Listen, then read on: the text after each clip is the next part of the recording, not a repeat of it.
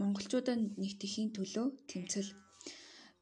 За 1911 оны хувьсгалаас хойш бид нэр тусгаар тогтнолоо олж авахын тулд за тэгээд үргэлжлүүлээд монголчуудаа нэгтгэхийн тулд болвол хувьсгалаас ч илүү их одоо хүчин чармаалт бол гаргасан байт юм аа. За ингээд Монгол богдхааны зүгээс бол засгийн газрыг бол байгуулсан гэдгийг бол та бүхэн мэдж байгаа. За тэгээд засгийн газар нь болохоор улс орноо одоо хамгаалахын тулд амгалан тайван байдлахын тулд бол өмнө зүгийн одоо хэсэгт бол бөөхөө өртөөг бол байгуулсан. За хоёрдугаар гэх юм бол чалхан цутагт дамдан базрыг дид сайдаар томилж гүн хайсанг монголчуудаа нэгтгэхийн төлөө тэмцэл 1911 оны хувьсгалаас хойш Монголын одоо тийм монголчуудын дунд бол Монгол төмний бол нэгтгэх хамгийн чухал одоо хамгийн чухал болон маш ач холбогдолтой одоо түүхэн үе байсан юм аа.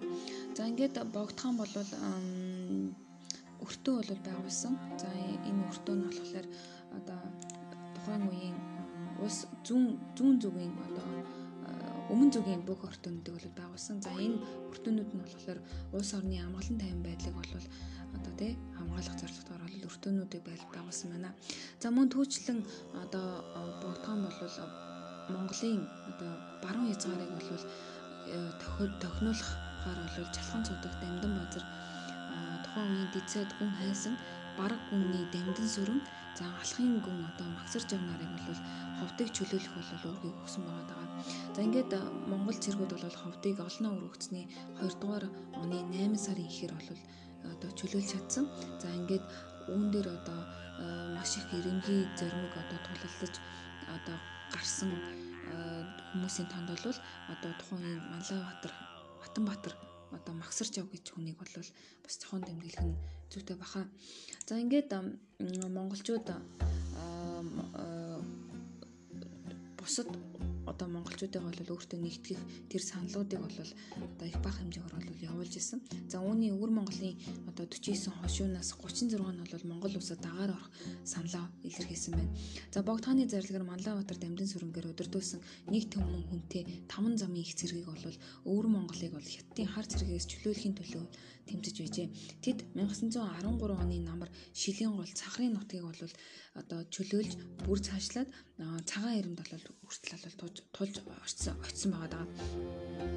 За ингээд монголчуудын нэгтгэхийн төлөө тэмцэл бол маш одоо хүчтэй явж исэн боловч Орос хэтэд Японы ашиг сонирхлоос үүдэлтэйгээр бол энэ одоо тэмцэл бол зогссон байгаа даа. Тэгэхээр та бүхэн мэдж байгаа Орос Японы одоо хоёр байгуулсан нууц гэрээ 1907 онд байгуулсан гэрээг бол 1912 онд бол сонгож бол нэмэлт өөрчлөлт бол оруулсан. За энэ гэрээгээр бол гадаад Монголыг Оросынх өвөр Монголыг бол Японы ашиг сонирхлын бүс болон болол зааж үүнийг бол зөрчихгүй байх болгох үүргийг бол хүлээсэн байгаа даа.